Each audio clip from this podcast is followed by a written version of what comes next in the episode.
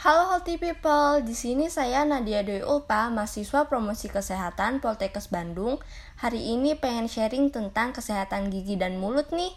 Nah, walaupun di tengah pandemi seperti ini, jangan lupa memperhatikan kesehatan gigi dan mulut kalian ya Healthy People. Terus gimana sih caranya agar kesehatan tetap terjaga? Nah, berikut ada beberapa cara untuk menjaga kesehatan gigi kalian.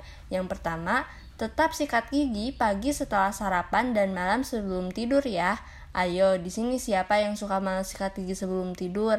Nanti sisa makanannya menempel di gigi loh. Jadi jangan males ya, karena kan gigi itu akan menemani kita sampai tua.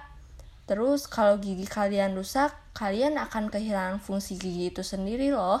Duh, pokoknya males deh kalau harus bolak-balik dokter gigi. Selanjutnya, jangan sikat gigi terlalu keras. Jangan karena kalian terlalu bersemangat, jadi kalian menyikat gigi terlalu keras. Nanti gesekannya mengakibatkan robek pada bagian gusi dan mengikis email gigi yang relatif tipis. Akibatnya gigi kalian jadi lebih sensitif deh. Nanti gak bisa lagi makan es krim dan minuman dingin loh. Dan selanjutnya, jangan merokok. Tembakau dapat menyebabkan gigi menguning dan bibir menghitam. Merokok juga dapat melipat gandakan resiko terhadap penyakit gusi dan kanker mulut loh. Tuh kan, kalian tahu sendiri banyak banget efek negatif yang ditimbulkan oleh rokok. Jadi berhenti merokok sedini mungkin yuk. Selanjutnya, banyak minum air putih. Air merupakan minuman terbaik untuk kesehatan kalian secara keseluruhan, termasuk bagi kesehatan mulut kalian dan aktivitas minum itu sendiri dapat membantu membersihkan beberapa efek negatif dari makanan dan minuman yang menempel pada gigi kalian. Tuh, jadi jangan lupa minum air putih ya.